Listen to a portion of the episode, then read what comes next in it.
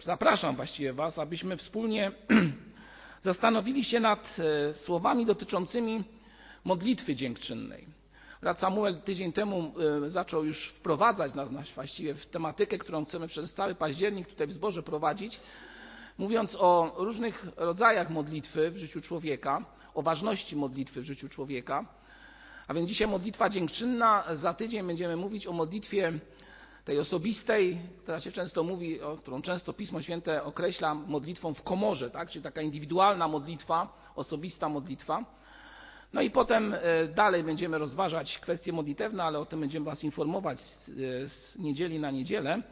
Dzisiaj zaś, tak jak już powiedziałem, modlitwa dziękczynna. Temat to temat modlitwy dziękczynnej, albo właściwie znaczenie tego, aby modlić się e, przede wszystkim dziękując.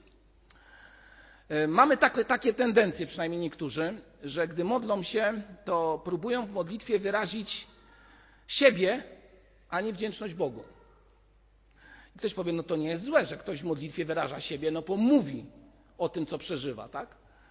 Ale bywa czasami tak, że zamiast modlić się i prowadzić przede wszystkim dziękczynienie, zresztą najlepszym wzorem e, modlitwy jest modlitwa pańska, w którym przede wszystkim są słowa uwielbienia dla Boga. To jest główna sprawa. Tam jest tylko jedna, jedno zdanie dotyczące kwestii modlitwy E, związanej z prośbą do Boga. A mianowicie jest tam e, prośba o chleb powszedni.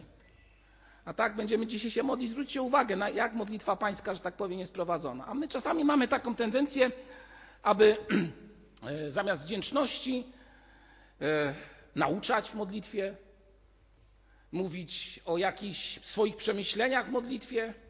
No, myślę, że można to robić w komorze, w swoim domu. Dlaczego nie? Ale gdy jesteśmy razem w społeczności, jesteśmy tutaj zgromadzeni po to, aby przede wszystkim Bogu dziękować. Dlaczego? Bo tak nas Bóg nauczył i do tego nas wzywa. Mamy dziękować i prosić o błogosławieństwo. To są dwie podstawowe rzeczy, o które powinniśmy w naszej modlitwie, w naszych modlitwach zwracać się do Boga. Ale bywa czasami tak, że modlitwa na skutek różnych trudnych wydarzeń w życiu człowieka staje się modlitwą E, bardzo osobistą i często jest to swego rodzaju krzyk wzywający Boga do pewnego działania. Ja się muszę Wam przyznać, że zdarzyło mi się ostatnio na skutek, no mogę powiedzieć, trudnych sytuacji, które przeżywam, przeżywałem w moim życiu i z którymi się w jakiś sposób nie mogłem zgodzić, o, że się dzieją, bo wydawało mi się, że powinno być inaczej. I z pokorą stoję przed Wami i powiem Wam, że pamiętam ten wieczór w domu, kiedy e, nawet nie klęcząc, rzuciłem do Boga, mówię, Panie, dlaczego tak robisz? W czym Ci zawiniłem? Straszna sprawa, słuchajcie. Ale czasami człowiek jest postawiony w takiej sytuacji, że wychodzi coś z niego, czego nawet by nie chciał.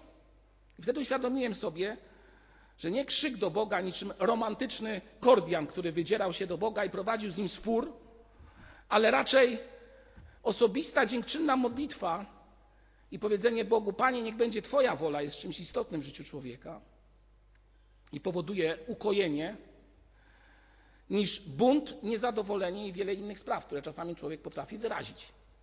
A myślę, że każdy z nas potrafi wyrazić. Nawet jeżeli nie myśli, że akurat się modli, to akurat w swoich myślach dyskutuje z Bogiem. No zadajmy sobie pytanie, kto z Was dyskutuje w myślach z Bogiem? Powiedzmy sobie, jak ta dyskusja wygląda? Panie, dlaczego? Po co? Co ten miał na myśli? Dlaczego muszę się z nim spotykać? Dlaczego ten autobus jest taki pełny? Dlaczego ten korek? O, tutaj brat mówił. I wiele innych spraw. I dyskutujemy, tak? A czasami denerwujemy się na siebie. Jak ja jestem głupi, że takie coś zrobiłem. No przecież no, Tyle lat chłop ma na liczniku, a robi takie. I tutaj dodajemy różne rzeczy, tak? Zdarza się to nam. Ale najgorsze jest to, gdy dyskutujemy w sobie, że dochodzi do tego, że dyskutujemy z Bogiem i mówimy do Boga właśnie dlaczego. Dlaczego coś się dzieje. Myślę, że każdy coś takiego przeżywa. Pośród nas był profesor Roth, tak? Dobrze wymiałem. Ruth, Ruth, przepraszam. Znawca e, literatury, szczególnie C.S. Lewisa.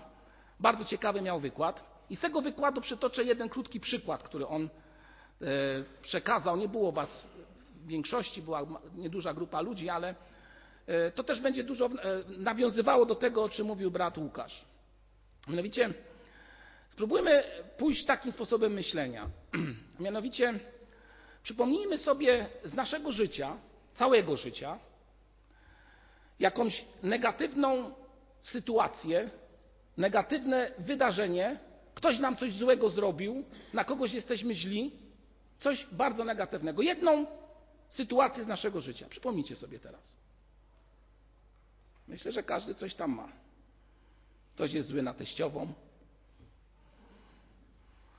ktoś jest zły na jakiegoś brata w zborze, siostrę, dzieci.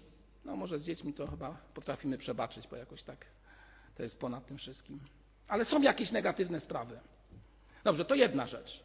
Idąc dalej tym, co on mówił, spróbujmy znaleźć dwie rzeczy z całego naszego życia, które mają taki wydźwięk negatywny i powodują nasze wzburzenie i taką prawie złość na kogoś, na coś. Ten człowiek doszedł do pięciu takich wydarzeń. Więc zakończę, żeby przyspieszyć. Jeżeli ktoś ma możliwość i ma tyle tych wydarzeń negatywnych, niech je znajdzie i policzy teraz w głowie. Pięć wydarzeń z całego swojego życia, za które nie jesteś do końca Bogu wdzięczny. O tak bym powiedział. Które cię denerwują, które są w tobie, których żałujesz, że to zrobiłeś. Krzyczysz na siebie, dlaczego się to stało.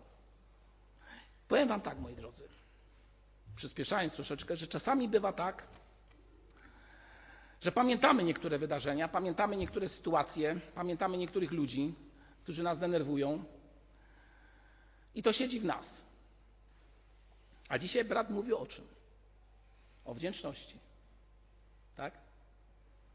I powiem Wam szczerze, że kiedy robiłem sobie ten test, który przed chwilą, no nazwijmy to test, to te pytania sobie zadawałem, to znalazłem pięć wydarzeń, tak? Zgadza się, znalazłem te pięć wydarzeń w moim życiu. Ale gdy zacząłem sobie zadawać pytanie za, o, o wydarzenia, za które powinienem być Bogu wdzięczny albo za które jestem wdzięczny, to okazało się, że jest ich znacznie więcej, moi drodzy. Znacznie więcej. Tylko często, co się dzieje? O nich nie pamiętamy.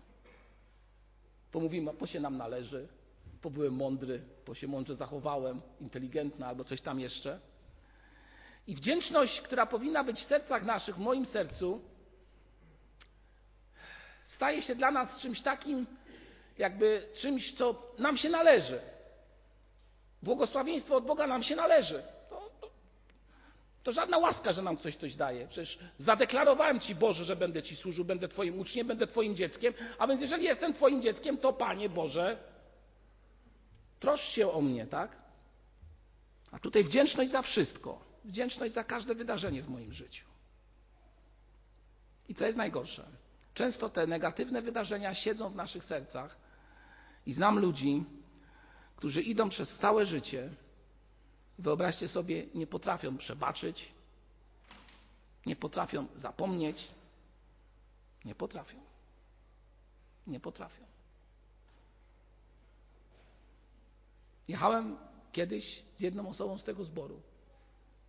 I ta jedna osoba z tego zboru powiedziała do mnie tak: Nie potrafię zapomnieć tego, co zrobił mi poprzedni, poprzedni system. Gdzie wszystko straciłam, gdzie mój ojciec został bardzo źle potraktowany, nie będę mówił o szczegółach. I teraz można powiedzieć, zabrzmi to troszeczkę paradoksalnie, a może nawet i śmiesznie.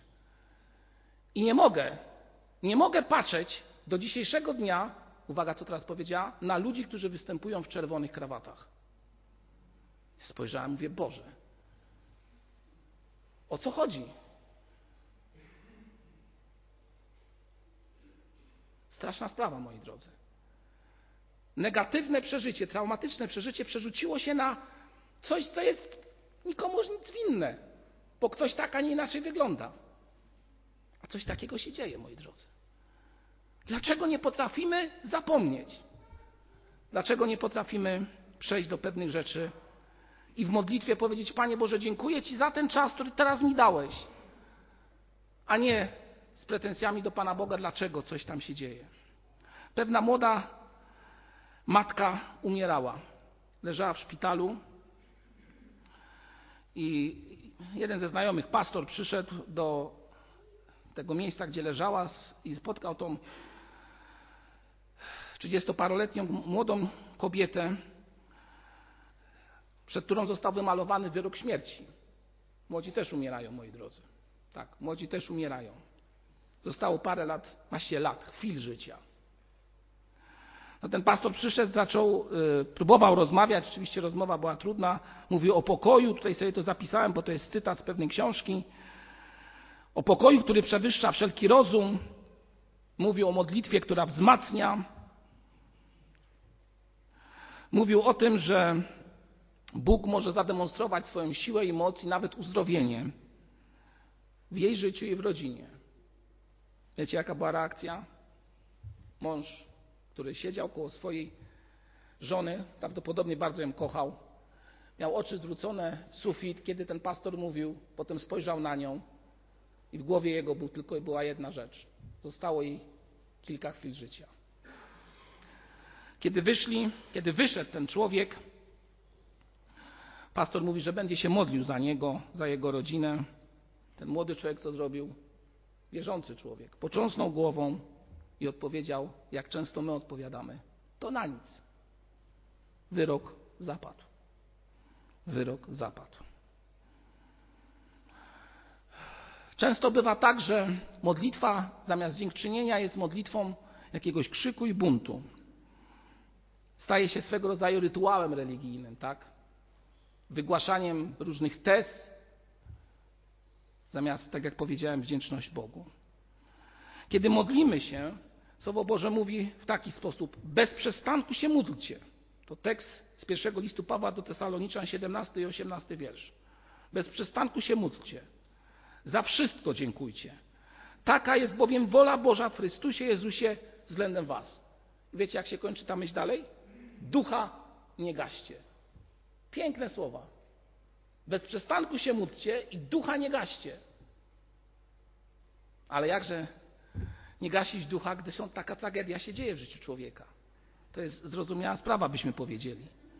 Jednak gdy modlimy się, modlitwa przynosi, można by powiedzieć, zmianę w naszej postawie, kiedy modlimy się szczerze, kiedy nie eksponujemy siebie, swojej wiedzy, tylko o wdzięczność Bogu i w pokorze prosimy Go, kiedy koncentrujemy się na Bogu, tak bym powiedział, na Jego charakterze, kim On jest, cała nasza postawa się zmienia.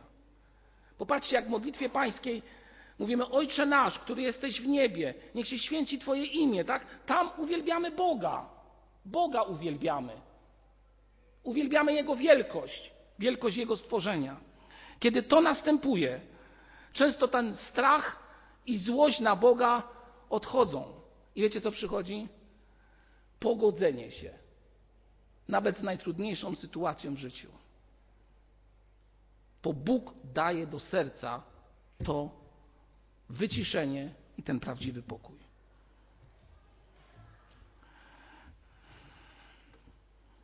Jeden z filozofów, ostatnio byliśmy na konferencji, czyli pastor przedstawiał taką ciekawą myśl, e, może nie z filozofów, a bardziej myślicieli, chociaż i pod to jest podpisywana, mianowicie e, Pascal mówił o tym, że każdy człowiek ma w swoim sercu pustkę, w swoim sercu pustkę na kształt Boga. W swoim sercu mamy pustkę lub też miejsce, które jest niczym innym jak obrazem Boga w nas. Pamiętacie czas stworzenia, kiedy Pan Bóg stworzył człowieka. Co się stało, kiedy go ulepił? Tchnął w niego. Co to było? Dech życia. Swoją cząstkę tchnął w niego. I człowiek wtedy stał się czym? Istotą żyjącą, tak? Dlaczego? Bo Bóg tchnął w niego życie. Bóg tchnie w tobie życie, w twoje życie zaingeruje, ta pustka zostanie wypełniona. Oczywiście możesz zrezygnować z tego, aby Bóg był w tobie i niczym Epikuryjczycy z czasów, że tak powiem, starożytnej Grecji powiedzieć: Jestem biedną duszą zamkniętą w zwłokach. Znacie to stwierdzenie? Biedna dusza zamknięta w ciele, czyli w zwłokach. Nie, moi drodzy. Jeżeli Bóg jest w tobie, to On wypełnia cię całkowicie. Wypełnia cię całkowicie, daje ci pokój w różnych sytuacjach życia, stabilizację, ale daje ci też wiarę, że nawet w najtrudniejszej sytuacji, uwaga, co teraz powiem, możesz go wielbić. Jakże trudno jest w chorobie wielbić Boga. A jednak Pan Bóg zmienia perspektywę człowieka. Człowieka, który patrzy krótkowzrocznie na pewne sytuacje, docześnie, w chwili danej, Pan Bóg potrafi zmienić go na tyle, że będzie człowiek patrzył zupełnie inaczej. Znacie Psalm 73, tak? Myślę, że wielu z Was czytało. Drodzy, w tym psalmie jest debata, dyskusja. Dlaczego bogatemu się powodzi? Dlaczego człowiek grzeszny, który nie żyje z Bogiem, ma się lepiej niż ja? Moi drodzy, powiem Wam tak, że często zadaję sobie pytanie następujące: jak to jest, że w rodzinach wierzących ludzi, szczerze wierzących ludzi, często stojących na czele nawet zborów czy gdzie indziej, następują tragedie na przykład związane z tym, że mamy chore dzieci? Lub dzieją się jakieś inne tragedie, a obok sąsiad, no słuchajcie, impreza co chwilę, jak to mówił mój e, naprzeciw mieszkający stróż, mówi, panie, panie Marku, ja już nie wytrzymuję. Mój sąsiad co noc, co dwie godziny wyjeżdża i przyjeżdża z inną partnerką. Ja nie daję rady, mówi. Straszna rzecz. I co? I żyje mu się dobrze. Najlepsze auto. Chodzi zdrowy, słuchajcie, rumiany taki, że no, pff, mucha nie siada, no. No ktoś powie, a no życia używa, tak? A ty siedź z Bogiem i rządź z Nim. A jednak warto być z Bogiem, moi drodzy. A jednak warto z Nim być. Bo On dzisiaj jest rumiany, a my będziemy mieli wieczność. Ale Pan Bóg jest może i łaskawy i dla Niego znajdzie coś dobrego. Moi drodzy, coś w tym jest, żeby jednak Bogu dziękować, bo kiedy, Bóg kiedy Bogu dziękujemy, to zmienia się perspektywa z naszej krótkowzrocznej sytuacji, w której jesteśmy, doczesności, w której jesteśmy i patrzymy na coś znacznie więcej, na Boże obietnice, na Jego działanie w nas. Bo modlitwa dziękczynna, modlitwa, w której za wszystko dziękujemy Bogu, zmienia naszą sytuację życiową. I kończąc, kazanie jest dłuższe, ale zawsze jakoś, nie wiem, ostatnio po pięćdziesiątce jakoś zaczynam dłużej mówić, a tu niektórzy mnie napominają, bracie, powyżej 20 minut to już dygresje, a nie Słowo Boże. Mają rację. Zakończę tym, czym rozpocząłem, moi drodzy. Po śmierci tej młodej dziewczyny, 30-paroletniej matki, bo ta kobieta umarła, pastor po jakimś czasie pojawił się w domu. Znowu był ten sam mężczyzna, który miał wlepiony wzrok w sufit i który mówił: To na nic. Twoja modlitwa. No i przyszedł do tego domu, gdzie jeszcze oprócz niego była sześcioletnia córeczka tej osoby, która odeszła. Oczywiście w takich sytuacjach, to też Wam powiem szczerze, czasami e, rozmowa się nie klei. Jedyne, co mogę w tym momencie robić, kiedy jestem w takich sytuacjach też, to w cichości wołać do Boga, Panie, pomóż, co mam powiedzieć? Ty mów. Nie, żeby moja mądrość, która jest niczym, tutaj dawała, bo to po prostu nic nie znaczy. A więc rozmowa się nie kleiła, aż do momentu, kiedy zasiedli przy stole. No jest taki zwyczaj w naszych domach, który mam nadzieję praktykujemy, że przed jedzeniem co robimy, moi drodzy? No słabo. Przed jedzeniem się modlimy, nawet w restauracji, moi drodzy. A z tym już czasami bywa gorzej. A więc powiem Wam tylko tyle. Kiedy zasiedli przy stole,